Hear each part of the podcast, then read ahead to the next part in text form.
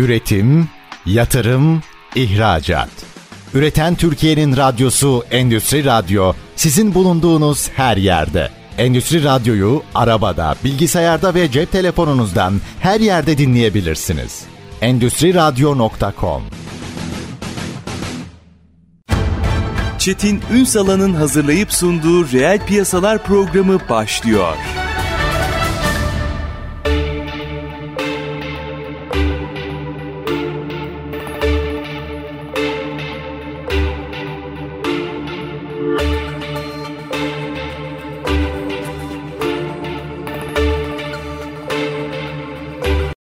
Piyasalardan merhabalar. Türkiye'nin gerçek gündeminde birlikteyiz efendim. Bugün Türk şirketlerinin İngiltere'de yapılanmasını, İngiltere üzerinden dünyaya açılmasını konuşacağız. Biraz hani hep haberler bazında aslında aktarıyoruz ama İngiltere ekonomisini yerinden de biraz konuşma şansına erişeceğiz. Çünkü İngiltere aslında bizim önemli iş partnerlerimizden biri ayrıca. Farklı farklı konularda ama iş yaptığımız ülkelerden biri. Onun dışında aslında orada iş yapmaya niyetlenen, orada yapılanmak isteyenlerin izlemesi gereken yol yordam ne? Biraz onu da açacağız. Kıymetli bir konuğumuz var. Sedler Frost kurucu ortağı Ayaz Talha bugün reel piyasaların konuğu. Sayın Talha hoş geldiniz efendim. Hoş bulduk çok teşekkür ederim. İngiltere önemli odak noktalarından biri. Hem finans merkezi hem dünya ekonomisindeki etkinliği açısından. Son dönemde anladığım kadarıyla Türkiye'nin de Türk firmaların da oraya bir teveccühü var. Evet. Buna geleceğim, bunu açacağız ama ilk önce biz hep haberlerden aktarıyoruz da İngiltere ekonomisi ne durumda? İlk önce bir fotoğrafı oradan bakalım isterseniz. Ne oluyor? Her şey konuşuluyor. İşte bazen hükümet konuşuluyor, bazen faizler konuşuluyor ki bugün de faiz kararı var. Ne durumda İngiltere? İngiltere Brexit'ten sonra toparlanmaya çalışırken pandemiye yakalandı. Pandemiyle beraber de artan enflasyonla ciddi halk mücadele ediyor. Ama bunun yanında gelen hükümet de en son Liz Truss'la beraber şunu yaptılar. Zengini daha zengin edecek bir vergi çalışması yapıldı ve orta sınıf ve çalışan kesime yönelik bir adım atılmadığı için bu krizi daha da derinleşti. O yüzden son zamanlarda çok ciddi şekilde artan grevlerle karşı karşıyayız İngiltere'de. Özellikle rail strikes, e, tren yollarındaki grevler çok fazla artmış durumda. E, işte onlar da tabii ki bu e, şeyin bir parçası olmak istemiyorlar bu ekonomik kötü durumun. Ama buna rağmen tabii ki alım gücü çok yüksek olduğu için insanlar mızmızlansa da hala tabii iyi durumda. Süreci atlatacak marjları evet, var yani. Evet var var tabii ki. Bunlar ya yani %20 bazı yerlerde %40 artışlar var fiyatlarda ama yine de tabii orta ve orta gelirli insan sayısı çok fazla ve herkes bir şekilde bunu karşılayabiliyor hayatını. Bu şekilde devam ediyor. Yani halen Hı. iyi bir pazar olma özelliğini koruyor o zaman İngiltere. Kesinlikle. Kesinlikle çok iyi bir pazar. Şu açıdan iyi pazar. Bir oturmuş ekonomisiyle siz ister perakende sektöründe, ister toptanda, isterse e-ticarette ki son zamanların yükselen yıldızı e-ticaret evet. Hangi sektöre girerseniz girin bir oturmuş düzen ve piyasa var. Tabi burada biraz şeyden de bahsetmek istiyorum e, bana bakan yönüyle. İngiltere'nin çalışma sistemi, İngiltere'de iş yapma sistemi ne Avrupa'ya benziyor ne Amerika'ya benziyor. Belki biraz Amerika'ya benziyor ama Türkiye'ye hiç benzemiyor. O yüzden de şimdiye kadar benim gözlemlediğim kadarıyla Türk iş insanları bundan hep uzak kalmışlar. Almanya'ya daha yakınlar, Fransa'ya daha yakınlar ama İngiltere hep bir çekince olmuş onlar için.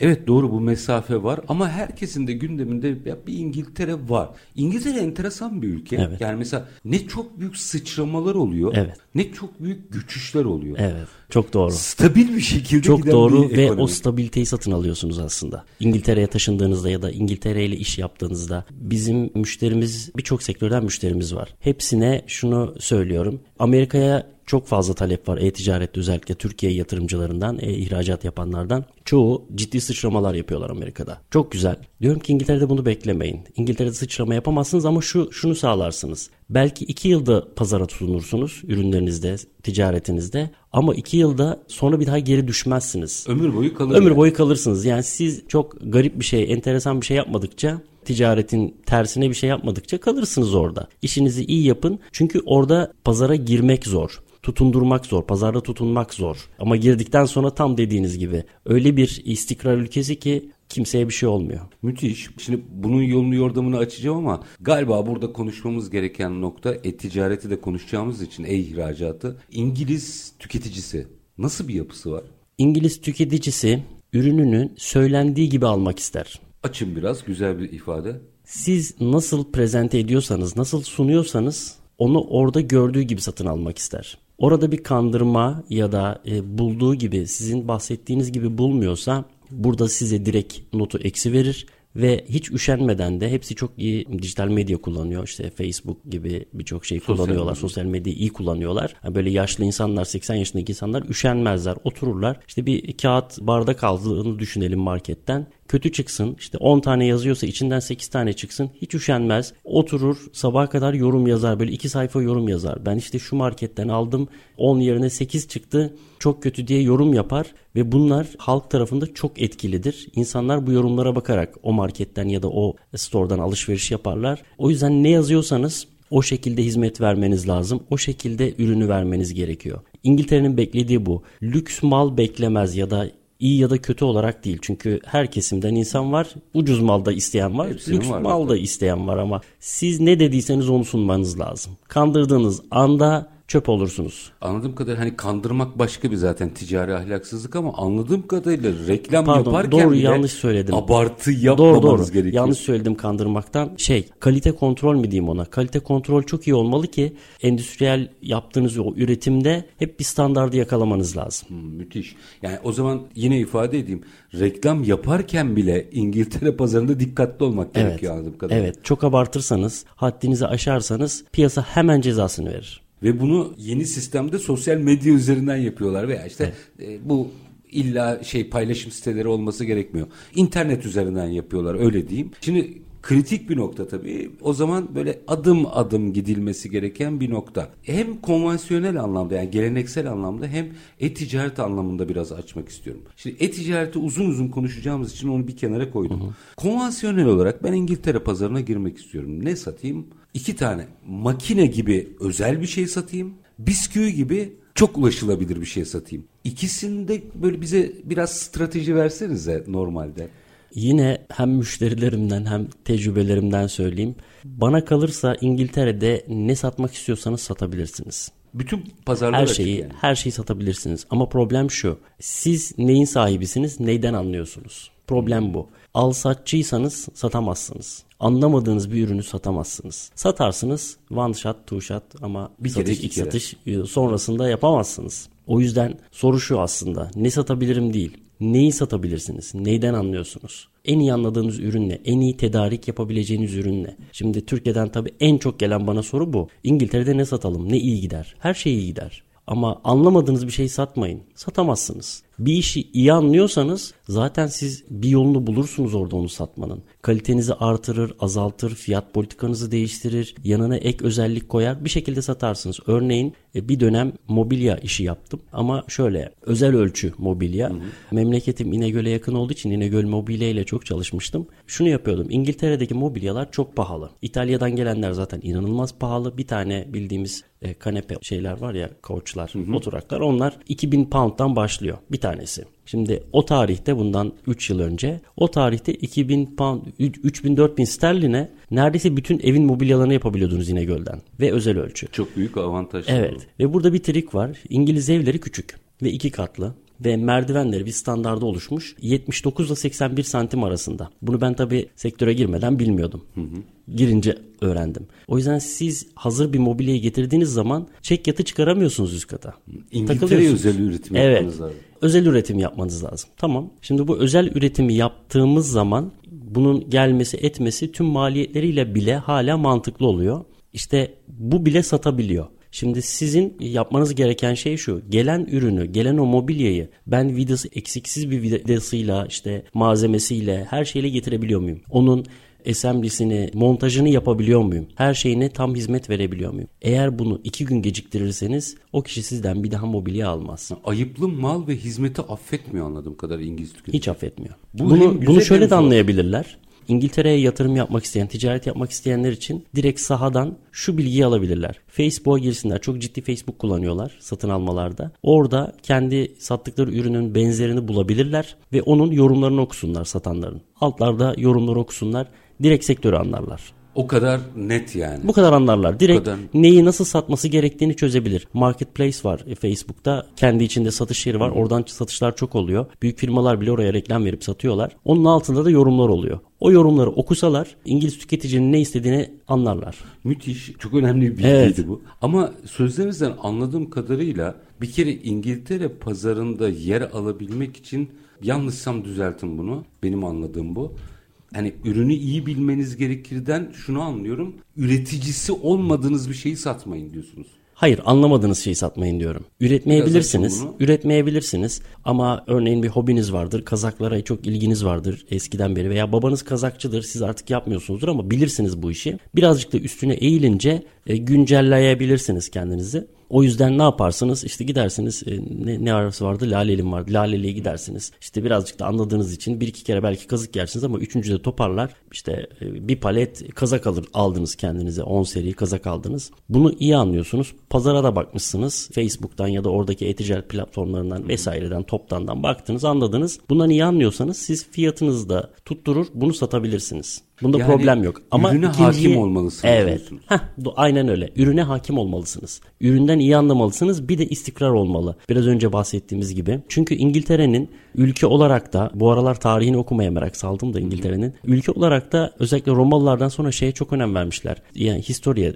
arşivlemeye, geçmişe. Her şeyin kaydını tutuyorlar. Her şeyin o kadar iyi bir kayıt var ki onun üstüne biniyor. Buna da şuna şuna örnek veriyorum. Örneğin mahallede işte bir yaya geçidi yok bir yolda. ışık da yok. Ve oradan gelip geçerken sürekli insanlar problem yaşıyor. İşte diyelim ki bir kişi kazaya uğradı, iki kişi uğradı, üç kişi uğradı. Gelip de oraya hemen ışık koymazlar, yaya geçidi de koymazlar. Onu izlerler. Bu bilgiyi tutarlar. İşte bir kişi e, kaza yaptı, iki kişi kaza yaptı, bir tane kedi çarpıldı, üç tane çocuk yolda kaldı filan. Bunları kaydını tutar, tutar, tutar, tutar. Sonra bakar ki evet Şimdi bu kazalardan biz hastaneye bu kişiler için bu kadar masraf yaptık devlet olarak. İşte bu yolun tamiri için şu kadar para harcadık. Orada çarpışan arabalardan kaynaklanan sigorta maliyetlerinin devlete yükü bu kadar. Bunu hesap eder. Tamam der artık bu mantıklı. Benim buraya trafik ışığı koymam lazım veya yaya geçidi koymam lazım. Tam böyle bakar duruma ve ondan sonra oraya müdahale eder. Ya bu çok kıymetli bir bilgi. Bu yüzden Ee, yani arşivleme ve verdiğiniz- history çok önemli. Şimdi verdiğiniz fiyatın gerekçesini açıklamak zorundasınız o zaman. Tabii. Tabii ki. Şimdi bu trafik ışığı örneği bize bunu anlatıyor. Evet. Yani ben oraya gittim 3 pound diyelim herhangi bir ürün. Niye 3 pound olduğunu açıklamak durumundayım Evet. evet. tüketicisine. Aynen öyle. Örneğin Türkiye'den gelen müşterilerimde çok alışkanlık yani bu zengini de fakiri de kurumsalı da evden ticaret yapanı da hepsinin direkt ilk sorusu bize ne kadar indirim yaparsınız oluyor. Ben de cevabım şu oluyor neden indirim yapayım? Yani sebep ne? Ya işte e, şundan bundan işte biz böyle alıştık bir indirim yaparsınız. Dedim paranız mı yok? Yani bütçeniz mi yok? Diyorsanız ki bütçeniz bu kadar limitli işte 100 sterlin limitli. Okey anlayabilirim ben de bakarım. Ya hizmetlerimden kısarak size o hizmeti 100 sterline verebilirim veya da veremiyorum derim. Ama neden indirim yapacağım? Kampanyam yok bir şeyim yok. Neden indirim yapacağım? İngilizler tamamen böyle. Çok iyiydi bu. Çok şey anlatıyordu. Şimdi minik bir araya gideceğiz. Aranın ardından Sadler Frost kurucu ortağı Ayaz Talha ile İngiltere'yi İngiltere pazarını konuşmaya devam edeceğiz. Çünkü işin bir tarafında e-ticareti konuşacağız. Bu bilgiler o yüzden altın değerinde. Kısa bir ara aranın ardından reel piyasalar devam edecek. Lütfen bizden ayrılmayın. Üretim, yatırım, ihracat. Üreten Türkiye'nin radyosu Endüstri Radyo sizin bulunduğunuz her yerde. Endüstri Radyo'yu arabada, bilgisayarda ve cep telefonunuzdan her yerde dinleyebilirsiniz. Endüstri Radyo.com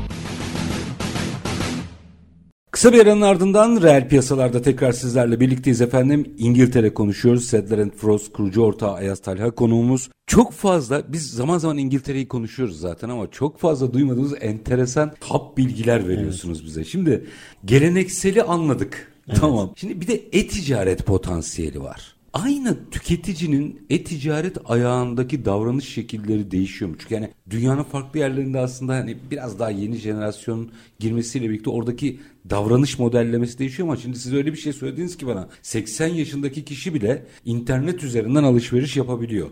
O zaman orada farklı bir strateji gerekiyor. Yani gelenekselle yeni tüketiciyi birlikte yönetmeniz gerekiyor. İşin o boyutunu hadi biraz açalım konuşalım. Aslında burada yine İngiltere'ye özel bir durum var. O da çok enteresan geliyor bana ilk taşındığım günlerden beri. Şu 80 yaşında, 90 yaşında ya da 15 yaşında, 10 yaşındaki çocuklar bile hadi işte e, şu web sitesinden alışveriş yapalım diye teşvik ediyorlar. Bu tabii şu kolaylığı getiriyor. Bu arada kargolar da o kadar hızlı ki ya ertesi gün sipariş ettiğiniz şey geliyor. Mi? Evet. Bunun sebebi de şu. Örneğin benim oturduğum bir yer vardı. Oturduğum yerin arka mahallesi yani bakmadım ama muhtemelen 500 yıldır o sokak aynı sokak. Evler aynı evler tabii evler yenilenmiştir ama o ayrı. işte 5 ev varsa hala 5 ev var o sokakta. Sadece ev yenilenmiş. 5 ev varken orası 10 ev olmamış. Belki dedenizin dedesi yaşamış orada. Sadece ev değiştirmişsiniz. Sokak aynı, numaraları aynı. 500 yıldır aynı. Yani Romalılardan kaldı belki sokak.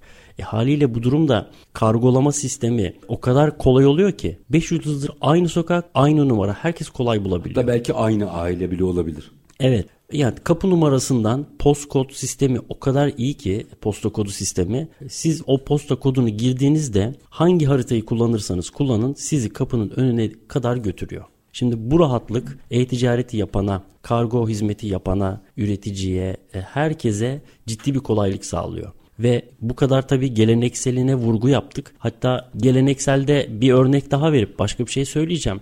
Gelenekselle bugünün birleşimini şöyle yansıtıyor İngiltere. Dijitalleşmede dünyada en iyi ikinci ülke. %88 ile devletin e, dijitalleşmesiyle. Ama buradan şeyi anlamayalım. Türkler yani Türkiye'deki insanlarla konuştuğum zaman e-devlet var bizde. Biz daha yeni sistemiz diyorlar ama kastettiğim o değil. İngiltere'de devlet bütün hizmetleri e-devletten en iyi en hızlı şekilde verebiliyor. Mental olarak dijitalleşmişler bir kere anladığım kadarıyla. Mental olarak var ama altyapı da öyle. Siz her şeyi belediye verginizi, faturalarınızı, bütün devletteki işlemlerinizi dijitalde yapabiliyorsunuz. Bunun için hiçbir yere bir kağıtla gitmenize gerek yok. Ve burada yine önemli bir şey noter diye bir şey yok vergi dairesi diye bir şey yok. Bunlar oradaki bürokrasiyi ciddi şekilde azaltan ve hızlandıran şeyler. Hepsini internet üzerinden mi evet, yapıyorlar? Hepsi hepsi internet üzerinden. Şimdi bununla ilgili de teşvikler teşvikleri var devletin. Bu gelenekselle ilgili vereceğim örnek de şuydu. Bir arkadaşımın başına gelmişti. Nottingham diye bir şehirde e, yaşıyor. Onun da tanıdığı tabii. E, ben ikinci ağızdan aktarıyorum hikayeyi. Bu arkadaş polise yakalanıyor. Normalde polise pek durdurmaz ama denk gelmiş herhalde. Polis durduruyor. Aracınız diyor sigortasız yakalanmış. Sigortasız. Neden sigortasız arabayı biniyorsunuz? Bilmiyor musunuz suç olduğunu diyor. O da diyor ki ya kusura bakmayın e, normalde iki arabamız var. İşte eşim çocuğu almaya gitti. Ben markete geldim. Hiç kullanmadım arabayı. İlk kez çıktım size yakalandım. Normalde kullanmayacağım. Hemen dönüyorum lütfen bağışlayın gibi konuşuyor. Polis tabi konuşmalarından ve hareketlerinden şüpheleniyor. E, bekletiyor. Sonra geri geliyor. Diyor ki beyefendi diyor bu hafta iki kere kameralara yakalanmışsınız bu araçla diyor. O anda bir dakika içerisinde iki işte dakika içerisinde veya beş gidiyor dakika işte ne kadarsa gidiyor kontrol edip geri geliyor ne kadar beklettiyse. Bu hafta diyor 72 kere kameralara yakalanmışsınız diyor. Şimdi gelenekselle dijital şurada birleşiyor. Tabi o arada arabayı mı bağlıyor artık ne cezalar verdiyse neyse. E, çok ağır e, sigortasız araç kullanmanın en ağırını veriyor muhtemelen. Şunu dese belki yırtacak. Evet kusura bakmayın param yok bana müsaade edin eve gideceğim kullanmayacağım yapabilecek bir şeyim yok dese belki daha ucuz yırtacak. Ama yalan söylediğini anlayınca polis affetmiyor. Gidiyor kameraları kontrol ediyor. Geleneksel kısmı şurada. Polisler ya da devlet sürekli gözü sizin üstünüzde değil. Sürekli kameralardan sizi izlemez. Ama sizden şüphelenirse sizi durdurur siz yalan söylerseniz bunu anlarsa gider o kamerayı kontrol eder. Dijitalden öyle yardım alır. Hmm, yani Yoksa dijitali izleme sizi, evet. kontrol amaçlı. Evet. Kim doğru söylüyor amaçlı. Evet. Ya affetmediği şey bu çelişkiler ve yalanlar. Bunların haricinde siz devlete deseniz ki ya benim vergi borcum var ya da işte şu kadar borcum var ödeyemiyorum durumum yok deseniz ona bir yol bulunabilir. Ama derseniz ki işte ben ödemeyeceğim ya da ödedim filan gibi başka yollara başvurursanız bunun affı yok İngiltere'de. Yani Tam gelenekselle be, şeyin birleşimi. Beyanda bulunmayacaksın. Tam burada. eğer devletin yapısı böyleyse tüketicinin yapısı da böyle demektir. Yani onlara Aynen da öyle. doğru beyanda ne olursa olsun doğruyu söyleyeceksiniz Aynen öyle. kadarıyla. Aynen öyle. Şimdi bu pazara Bu o kadar rahat hissettiren bir şey ki. E, bence çok insani bir şey ayrı konu. Yani bence e, Evet. normali de her yerde bu olması lazım da. Ama şimdi stratejiyi konuşursak bu pazara bir fiil giren insanların çok daha rahat anlayıp uygulayabileceği bir şey. Evet. Öyle olmamasına rağmen realiteden bahsedeyim. İşin içine internet üzerinden ticaret gelince bunlar sanki daha böyle idare edilebilir gibi bir hal çıkıyor. Anladığım kadarıyla İngiltere'de buna da af yok. Hayır. Tüketici affetmiyor. Hayır. O zaman ben birkaç soruyu şöyle arka arkaya soralım. Birincisi İngiltere pazarına niye girmem lazım? İkincisi nasıl girmem lazım? Üçüncüsü orada tutunabilmek için ne yapmam lazım? Dördüncüye sonra geleceğim. İngiltere pazarına girmeniz için en büyük nedenlerden bir tanesi İngiltere'de kar marjları yüksek buralara göre. Dünyanın Sterlin e, bazında mı? Pound evet, bazında da evet, yüksek. evet. İlla şey olması Evet. gerekmiyor. İşte kurdan dolayı değil. Değil, kurdan Gerçekten dolayı değil. Pound Evet. pound yüksek. Tamam. kar marjı yüksek. Birinci nedeni bu. İkinci nedeni perakende satış yapanlar için özellikle iade oranları çok düşük. İster e-ticaret yapın, ister perakende de çalışın. Bunun tabii düşük olması da biraz size de bağlı. O bahsettiğimiz ürün kalitesini, standartizasyonunu sağlarsanız. Çünkü İngilizler sevmez iade etmeyi. Ama iade edebilme kolaylığını ister. Bu da düşük. Ve üçüncüsü dünyada perakendede, e-ticarette en çok para harcayan ikinci millet. Bak mesela bu hiç konuşulmaz. Enteresanmış. En çok para harcayan ikinci millet. Birinci Amerika, ikinci İngiltere. Ve yanlış hatırlamıyorsam 2021 rakamı olabilir ama 1950 sterlin harcıyor. Kişi başı. Ee, kişi başı ortalama. Evet. Ve bu işte dünyada iki numarada. E, bu e-ticaret için bu rakam. Ama e-ticaret hayatın o kadar alanında ki hatta bazı noktalar dışındaydı. Geleneksel ilerliyordu. Pandemiyle beraber artık köşedeki bakkal bile şeyden yolluyor ürünlerini. E-ticaretten yolluyor. Her şey e-ticarete dönmüş vaziyette İngiltere'de. Ama burada gene hep konu şeye dönüyor. Siz bunun tedariğini düzenli sağlayabilecek misiniz? Hani Türkiye'de de böyledir. Büyük firmalar sizden mal almak istediği zaman şunu sorar. Depoda malın var mı? Ben istediğim zaman verebilecek misin? Ve bunun devamını bana getirebilecek misin? Ve aynı standartta getirebilecek misin? Yani işinizi yarım yamalak yapma şansınız yok. Yani Yok. o kervan yolda Yok. düzülür falan Yok. filan onlar yok. Yok. Baştan o yüzden her şeyi. Evet. O yüzden Türkiye'den gelen yatırımcılar buna dikkat etmeliler. Etmedikleri takdirde örneğin çok gördük. Çok güzel insanlar, çok güzel üretici ya da tedarikçiler geri dönmek zorunda kaldılar. Ticaretlerini kapatmak zorunda kaldılar. Sadece bu basit nedenden dolayı. Baştan planlamanızı iyi yapacaksınız. Daha İngiltere'den ayağının tozuyla geldi ve stüdyomuza sağ olsunlar. Bu arada tekrar geçmiş Kusura olsun. bakmayın. Estağfurullah yok olur mu öyle şey? Yine merak ettiğim noktalardan biri. Peki ben karar verdim. İş Nasıl müşteriyle yapacağız? arama kalırsa onu hallederiz onları bir şekilde. Zaten belli başlı ticari ahlaka sahipseniz anladığım kadarıyla işin kolay oluyor. Evet. Bu tarafını hallediyorsunuz. Bürokrasi, prosedür bunlar nasıl? Bunlar İngiltere'de çok kolay. Çünkü İngiltere bir ticaret ülkesi. Yüzyıllardır ticaretle var olmuş bir ülke. Çok pragmatist. Her şeye para gözüyle bakar. Para hesabını yapar. Ticari hesabını yapar. O yüzden de siz devletin peşinden gidip ya da karar vericilerin peşinden gidip ticaret yapmazsınız. Karar vericiler ya da devlet tüccarın peşinden gider. Tüccar ne diyorsa, nasıl diyorsa onun işini kolaylaştırır. O yüzden siz sürekli kanunu açıp ya ben şu işe gireceğim ama nasıl yapacağım, yapmalı mıyım, yasak mı, değil mi diye kontrol etmezsiniz. İngiltere'de bir şey özellikle belirtilmediyse yasak diye her şey serbesttir. Yani ben bir iş yapmak istediğimde kamu veya işte kamu yetkilileri, birimleri neyse o an için konuya muhatap gelip size nasıl yardımcı olabiliriz mi diyorlar. Kesinlikle. Yaklaşım olarak. Kesinlikle. Yaklaşım bu. Zaten kamu görevlisiyle muhatap olmuyorsunuz. Ben kaç yıldır ticaret yapıyorum. Bir tane kamu görevlisi görmedim. Vergi dairesi zaten yok. Kamuyla muhatap değilim. Vergi beyannamelerimi online gönderiyorum. internetten gönderiyorum. Vergimi internetten ödüyorum. Bu kadar. Hiç başka bir şey yapmıyorum. Kimseyi görmedim.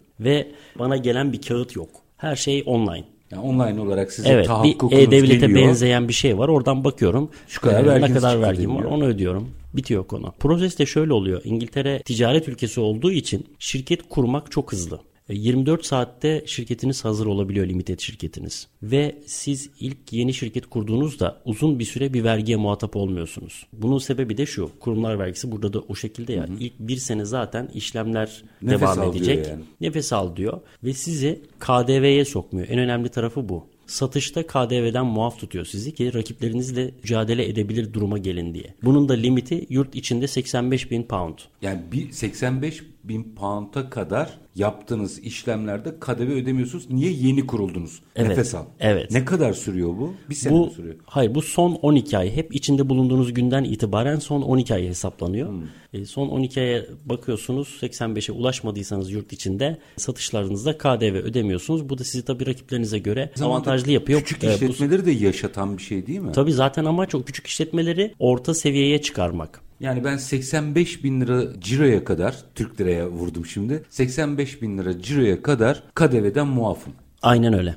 Ürün fiyatları. Aynen öyle. Gönüllü olarak kayıt olabiliyorsunuz. Ödemek istiyorsanız ödeyebilirsiniz. İşte büyük firmasınızdır. Bu size başka türlü e, ticari olarak avantajları ya da bazı nedenleriniz vardır. Gönüllü olarak başvurabiliyorsunuz. Buna kayıt olabilirsiniz. Ama bundan muaf olarak da rakiplerinizle mücadele edebilirsiniz. Bu sayede siz bir şirket kurduğunuz zaman zaten bir şey yapmanız gerekmiyor. Her şey online'da ilerliyor. Siz kimliğinizi veriyorsunuz, kişisel bilgilerinizi veriyorsunuz. İşte doğum tarihiniz, doğum yerinizi veriyorsunuz. Şirket kuruluyor. Noter yok, vergi dairesi yok, gelip kontrol eden yok. Hiçbir şey yok. Böyle e-mail hesabı açar gibi şirket açıyorsunuz. Ve ucuz. Ama bu kadar serbestlik aslında çok iyi bir denetimi gerektiriyordur. Zaten var. Muhtemelen arkadan sizi Tabii iyi ki. denetliyorlardır. Tabii ki. Sizin zaten niyetiniz ve e, maksadınız o işi yapmaksa şirketi çabucak kur, işi yap. Ama sizin niyetiniz başkaysa zaten yakalanıyorsunuz sistemde. O kuvvetler ayrılığı veya yakalıyor o sistem yerde. bir şekilde muhakkak yakalıyor. Ve cezaları o kadar ağır ki o sistemde yakalanmanın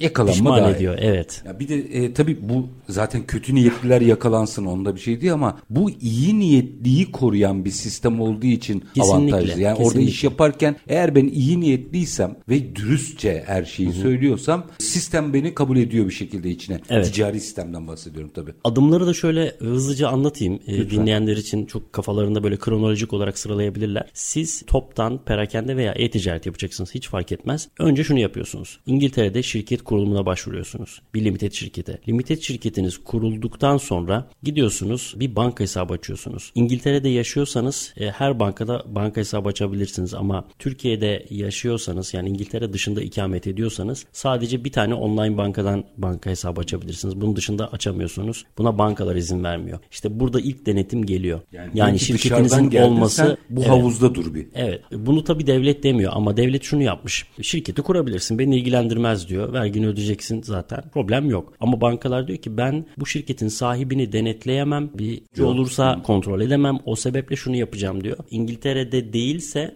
ben banka hesabı açmam diyor. Buradan ilk şeyi yiyorsunuz. ilk bloğu yiyorsunuz. Farkında olmadan denetleme alıyor Evet, aslında. evet. Sonra onu da geçerseniz belli bir rakama kadar sizi denetlemiyor. Belli bir rakama gelince bundan sonra her transferinizde şey sormaya başlıyor. Normalde İngiltere'de e-fatura falan gibi diye bir de bir şey yok. İsterseniz kağıda yazın. Bu benim faturam deyin. Proforma dediğimiz. Yani evet yani gerçekten kağıda yazın hani Word'de bir şey yapın. Okey yani her şey okey. Ama bir süre sonra bunları istiyor. Bir çelişki yakalarsa örneğin siz rastgele dağınık şekilde bir Word'den yazdınız, bir peçeteye yazdınız, bir kağıda yazdınız. Aynı kişiye 3 tane fatura yazmışsınız ama bir tane para girmiş hesaba. Siz de bunu bankaya verdiniz. Banka bunu yakaladığında hesabınız blokluyor. Bir daha ticaret yapamıyorsunuz. Başka bankalar da sizi bu defa listeye alıyor. Ticaretiniz bitiyor. Yani yalan söylediğiniz an kitleniyorsunuz. işin içinden çıkamıyorsunuz. Müthiş. Her şey aslında dürüstlük üzerine kurulmuş. Üçüncü adıma aradan sonra devam Tamam. edelim. Yani bir eğer ki hani herkesi orada yaşamayacaktır. İkinci faz bizi daha çok ilgilendiriyor. Yani yurt dışından İngiltere'ye iş yapmak isteyen rahatlıkla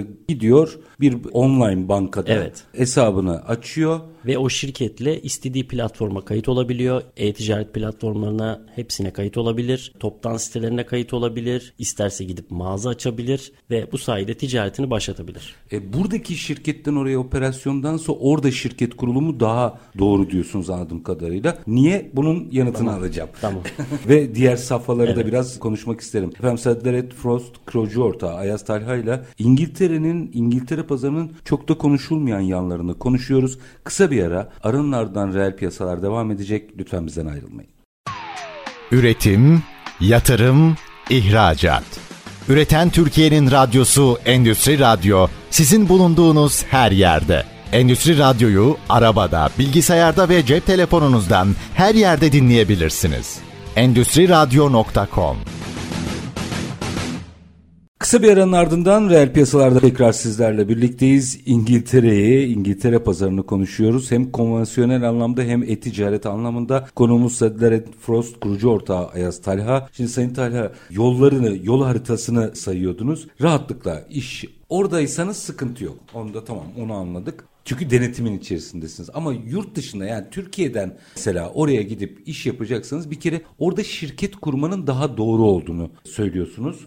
Onun gerekçesini birazcık daha açarsanız Bunun en sevinirim. büyük nedeni orada sizin iş yapacağınız yerler, e-ticaret platformları da dahil buna muhatap olarak bir İngiliz şirket görmek isterler. Yabancı birini gördükleri zaman daha soğuk davranırlar. Türk daha olduğunuz çekingen. için değil yani. Hayır, Fransız hayır. da olsanız, Evet, Alman tabii, da olsanız, tabii. Çinli de olsanız Tabii. diyor ki İngiliz şirketi ol bana. Evet. Çünkü zorlanıyorlar anlamakta. Farklı bir ülke, farklı bir insan. Zorlanıyorlar bunu anlamakta, vergilendirmekte vesairede. Belki basit ama uluslararası ticarette zorlanıyorlar. İngiliz şirketle muhatap olarak karşılarına çıktığınız zaman her şey daha kolaylıkla akıyor. En büyük sebebi bu. Galiba aslında daha rahat denetleyebiliyorlar. Çünkü ikinci ayaktaki banka meselesini söylediniz. Belli bir süre aslında bir havuzda bir banka dediğiniz bir e-banka veya e, elektronik dijital bankacılık adını şey yapıyor. E, sizi bir havuza alıyorlar aslında anladığım kadarıyla bir bakıyorlar. Aynen öyle. Sonra adımlar nasıl devam ediyor? Hesabı da açtınız. Ondan sonra e-ticaret yapacaksanız e-ticaret platformlarına şirketinizin adıyla satıcı hesaplarınızı, seller accountlarınızı başvuruyorsunuz. Onları açıyorsunuz. Banka hesabı olarak da bu bahsettiğimiz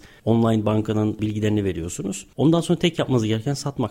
Bu kadar basit mi? Bu kadar basit. Vergi dilimleri falan çok yüksek mi? Oralar hem mesela şu KDV hikayesi önemli bir detaydı. Onun gibi vergilerde durum nasıl? Tüccara vergiler daha düşük. Türkiye'den kurumlar vergisi daha düşük. Kurumlar vergisi %19 İngiltere'de. Türkiye'de %25'ti galiba. 20 20'lere kadar düştü ama orada başka bir şey var. Geçici Biz her şeyi vergiden vergisi düşemiyoruz. Orada masraflarınızı vergiden Ha, düşebiliyor musunuz? burada e, bir kısıt yok açıkçası. Gerçekten o işin ile ilgili bir giderinizse her şeyi düşebilirsiniz. Yani yasak diye bir şey yok. Siz diyorsanız ki bu çay benim, bu işimin gideri diyorsanız tamam o sizin gideriniz. Kimse bunu sorgulayamaz. Hmm. Ama siz bunu anlatırken kendiniz inanmıyorsanız, şüpheye düşüyorsanuz o işin gideri değildir. Mantıklı. Yani işte öyle yemek yedin onu düşemezsin. Çay ne Hayır. alaka falan böyle şeyler hayır, yok. hayır. Şimdi o zaman %19'dan daha ucuza geliyor tabii. Yani Yani bütün insani harcamalarınızı veya ticari harcamalarınızı yaptıktan sonra %19 anlamı çıkıyor. Kesinlikle öyle. Burada yine kurallar ya da regülasyonlar, kanunlardan gitmek yerine yine biraz daha vicdanlardan gidiyor e, olay. E siz bu iş benim gerçekten giderim, bu yaptığım şey benim giderim işle alakalı diyorsanız okey. Kimse bunu sorgulamaz, kimseyi de ilgilendirmez. Bir şey takıldı aklıma onu açmanızı rica edeceğim. Son derece özgürlükçü bir yapıdan bahsediyorsunuz. Kesinlikle. Ama kapıdan bile vizesi olan adamı döndüren bir yapıdan bahsediyorsunuz. O aradaki çelişkiyi siz nasıl Şu yorumladınız? özgürlükler başkasına zarar vermeyecek, kamuya zarar vermeyecek şekilde sınırlı. Ayıklayarak Evet. alıyor, içeride özgür Evet. bırakıyor. yani. Evet. Güzel. Peki yine oraya hani neler, nasıl işler yapılabilir sorusunu da e, açacağım ama ilk önce sizin kişisel özelliğinizden yola çıkarak başka bir analiz daha rica edeceğim. Yani siz Türksünüz. Türkiye'de Evet, burada doğdum, büyüdüm, burada okudum. Çok farklı farklı bölgelerde ve ülkelerde operasyon yapıp İngiltere'ye gitmişsiniz. Evet. Bütün on, onları da biraz dinleyicilerimiz açısından şöyle bir sıralarsanız sevinirim. Oradan damıtılan bilgiyle baktığınızda İngiltere nasıl bir yer?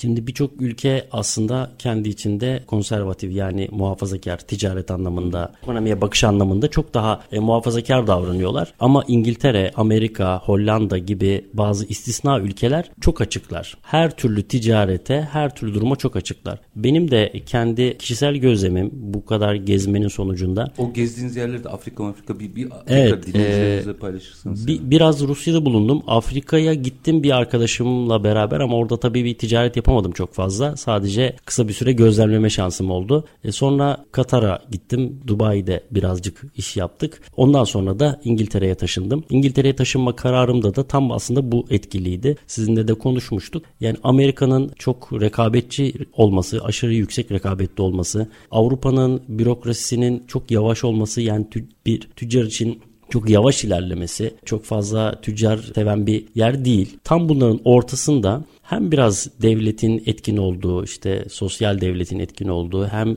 liberal piyasaların çok etkin olduğu ve bir geçmişten gelen bir ticaret alışkanlığının olan tek memleket olarak İngiltere'yi gördüm. İkincisi belki Hollanda'dır bence. Birincisi İngiltere ama Hollanda ile İngiltere büyüklük açısından zaten kıyaslanamayacağı için bu sebeple İngiltere'yi tercih ettim. Yani biz aslında hani iki farklı ekonomik modelin kesişme noktası tam gibi. öyle. Buradan Tam öyle. İngiltere'yi farklı anlayabiliriz. Evet, evet. Ee, tam orta noktada aslında. Evet. Stabil o yüzden stabil galiba. Evet. Evet. Mesela biraz önce bahsettim şirket kurma 24 saatte yapılıyor. Siz kişisel bilgilerinizi veriyorsunuz. internetten başvuruyorsunuz. Şirketinizi kurabiliyorsunuz. Kendiniz de kurabilirsiniz. Şimdi bu rahatlık Avrupa'da yok. Türkiye'de yok. Biraz Amerika'da var. Biraz Hollanda'da var. Ama başka bir yerde yok. Şimdi bu rahatlığın olduğu bir yerde siz de e, şuna gidiyorsunuz. Yani ticaretinizi kolay başlatabiliyorsunuz. Tersten bir şey söyleyeyim mi? Evet. Bizde de mesela açarsınız şirkette kapayamazsınız. Kapatmak nasıl? Diyelim ki vazgeçtim. Şöyle diyorsunuz ki diyelim şirketi kurdunuz. 3 ay sonra dediniz ki ben istediğim verimi alamadım. Evet. 3 ayda da bu kadar giderim var, bu kadar gelirim var. Kapanış beyannamelerinizi veriyorsunuz. 2 ay içerisinde şirketiniz kapanıyor. Aynı hızla kapanıyor. İki Evet. ay tabii. Vergi çıkarsa ödüyorsunuz. olacak tabii. Evet. 2 ayda da incelemeden ziyade biraz o şeyler sürüyor. Fatura Ee, matura gelecektir arkadan vesaire Evet. bakacak. Evet. Ona bakıyor. O beyannameye bakıyor. Bu kadar kısa sürede de kapanıyor. Kıymetli bir şey. Çünkü bazen öyledir yani. Öyle ilişkiler başlarken Evet, de doğru, biterken doğru. bazı şeyler. e, Aslında anlatılıyor. bazen şey sormak lazım değil mi? Nasıl biteceğiz? Evet, bitireceğiz. Nasıl bitireceğiz? Çünkü yürümeyebilir, istediği gibi bitmeyebilir. O zaman bitirebiliyor da olmak lazım. İki, kapatabiliyorsunuz sadece iki aylık bir geçiş süreci Evet. var. Anladığım kadarıyla yine aynı hızda kapanabiliyor. Peki ben buradan İngiltere'ye iş yapmak isteyen bir insan olsam ne konularda fırsat, iş olanağı var? Ticari olarak kastediyorum tabii yani profesyonel çalışmaktan bahsetmiyorum. Burada ben Türk iş insanlarında özellikle ürün üretici olan, kendi markası olan, belli bir kurumsal yapısı olan firmaların muhakkak İngiltere'ye gitmelerini tavsiye ediyorum. Türkiye'den çok önemli markaların işlerini İngiltere'ye götürdük. Bazılarına biz yardımcı olduk, bazılarına başka arkadaşlarım ama birçoğu gelmeye başladı. Bu çok güzel bir şey. Çünkü markalaşmayı da bazıları uluslararası markalaşmayı da öğreniyorlar bu sayede. Bu çok kıymetli bir şey. Yıllardır hani hep söyleriz ülkemizde uluslararası bir marka çıkaramıyoruz bir problem var diye. Bu tam da bu nedenden kaynaklanıyor. Yani bir standardı yakalayamadığımız için. Çünkü bu markalarımız da Türkiye ürettiriyor. Türkiye'deki üretenlerde de bir kalite kontrol sistemi çok gelişmiş değil. E haliyle Bunlar sizi uluslararası meydanda markalaşmada elinizi zayıflatan şeyler. Ama İngiltere sizin için bir şey süreci olabilir. Yani ne diyeyim training böyle bir Eğitim a- eğitim, süreci. süreci olabilir. İngiltere'de bunu online ticaretle deneyebilir büyük firmalar ve bu sayede şeyi öğrenirler. Yani ben bunları İtalya'ya işte o değerde neler varsa Almanya'ya kalitenin en yüksek olduğu yerlere nasıl satarımı öğrenebilir. Çünkü İngiltere, Almanya, İtalya gibi o kadar katı değil Avrupa Birliği kadar. Ama kuralları var. Kuralları Disipline var, ediyor. disiplini var ve siz sadece ürettiğiniz şeyde ya da markanızda ya da ürünlerinizde o standardı yakalayabilirseniz orada, orada tutunursanız her yerde tutunursunuz. Bu arada şeyi yanlış anlaşılmasın. Kuralları var derken ilkesel kuraldan bahsediyorum. Evet. Yasal bir boğma yok anladığım kadarıyla. Yok. Yani ilkesi var. Yok. Ona Evet. uyuyorsunuz ya da uymuyorsunuz. Kurallar şey anayasası gibi yani. Aynen öyle. Aslında ortada anayasa yok ama herkes anayasayı biliyor. Aynen öyle. Yani şeyden bilirsiniz işte kraliçe öldü yakın zamanda. Ondan önce işte düğün vardı. Düğünü bilmem kaç milyar kişi izlemiş televizyonda filan. Oradaki ritüelleri işte asayı geliyor e, her parlamento açılışında kraliçe gelir asasıyla e, parlamentonun kapısına vurur. Kapıyı açmazlar filan. Bunun gibi ritüellerin 600 yıllık ritüeli takip ediyorlar. Bu bir yerde yazmıyor. Ama kimse de unutmuyor. Bu normal hayatından ticaret hayatına kadar Her, yer alanda böyle, her alanda böyle. Yani girdiğiniz markette de böyle bu. İşte kraliçenin sarayında da böyle, ticarette de böyle. Her şey bu geleneklerle gidiyor.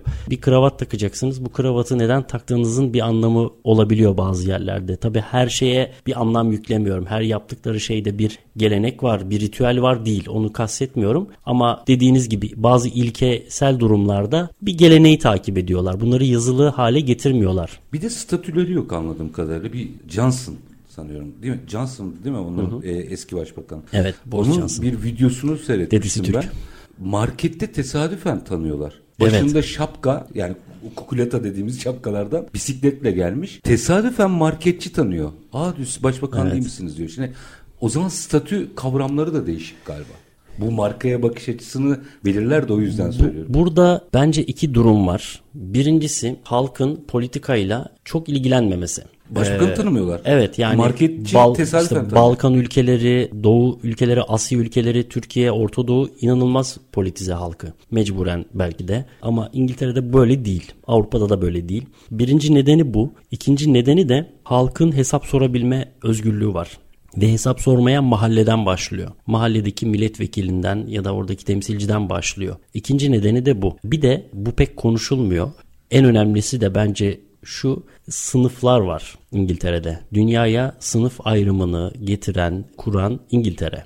Ve bu sınıf ayrımları o kadar bariz ki Boris Johnson da işte upper class denilen köklü bir ailenin, zengin bir ailenin çocuğu. Haliyle halk ona zaten erişemeyeceğini, yetişemeyeceğini biliyor. Ve bu sebeple bir iletişimde de bir problem var sınıflar arasında. Marketten şey ekmek alıyordu ben yani gerçekten Mark- müşteri gibi. Marketten ekmek alıyor ama biraz biraz şov da var işin içinde. Şimdi o marketten muhtemelen ömründe 3 kere falan alıyor. Çünkü ona ihtiyacı yok. Evde hizmetçi var, bir şey var. Kalkıp o marketten yemek yemiyor. yani o Çok yansıtmıyor.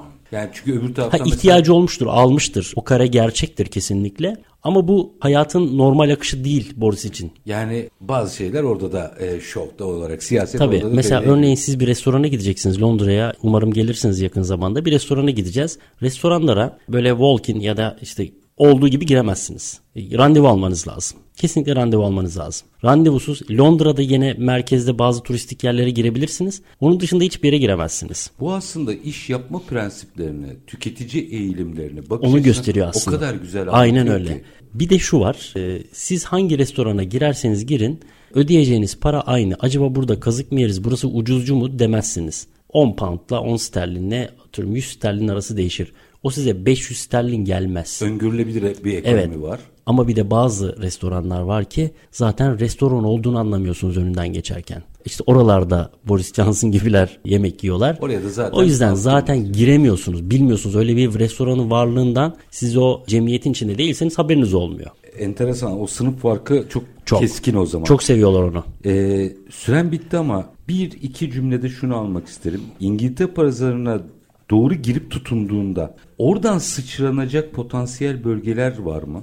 Özellikle Avrupa, Amerika, Kanada pazarlarına çok ciddi şekilde geçebilirsiniz. Kendimizde birçok müşterimde e, İngiltere üzerinden bu pazarlara çok güzel girdiler ve daha iyi tutundular. Bir de İngiliz firma olarak geldikleri için biraz daha sıcak karşılanıyor. Evet. Sayın Talat çok teşekkür ediyorum. Çok Ben teşekkür ederim ve, davetiniz e, için. Aslında böyle o kadar hap bilgilerle, detaylarla çok güzel bir İngiltere pazarı anlattınız ki bize. Sağ olun. Hem fırsatların olduğu hem dikkatli olunması Evet. gerektiği. Ama günün sonunda aklınızda İngiltere ile ilgili ne kaldı derseniz prensipler ülkesi kaldı. Ve bu prensiplere siz de prensipliyseniz iş yapabilirsiniz ifadesi kaldı. Doğru. Doğru.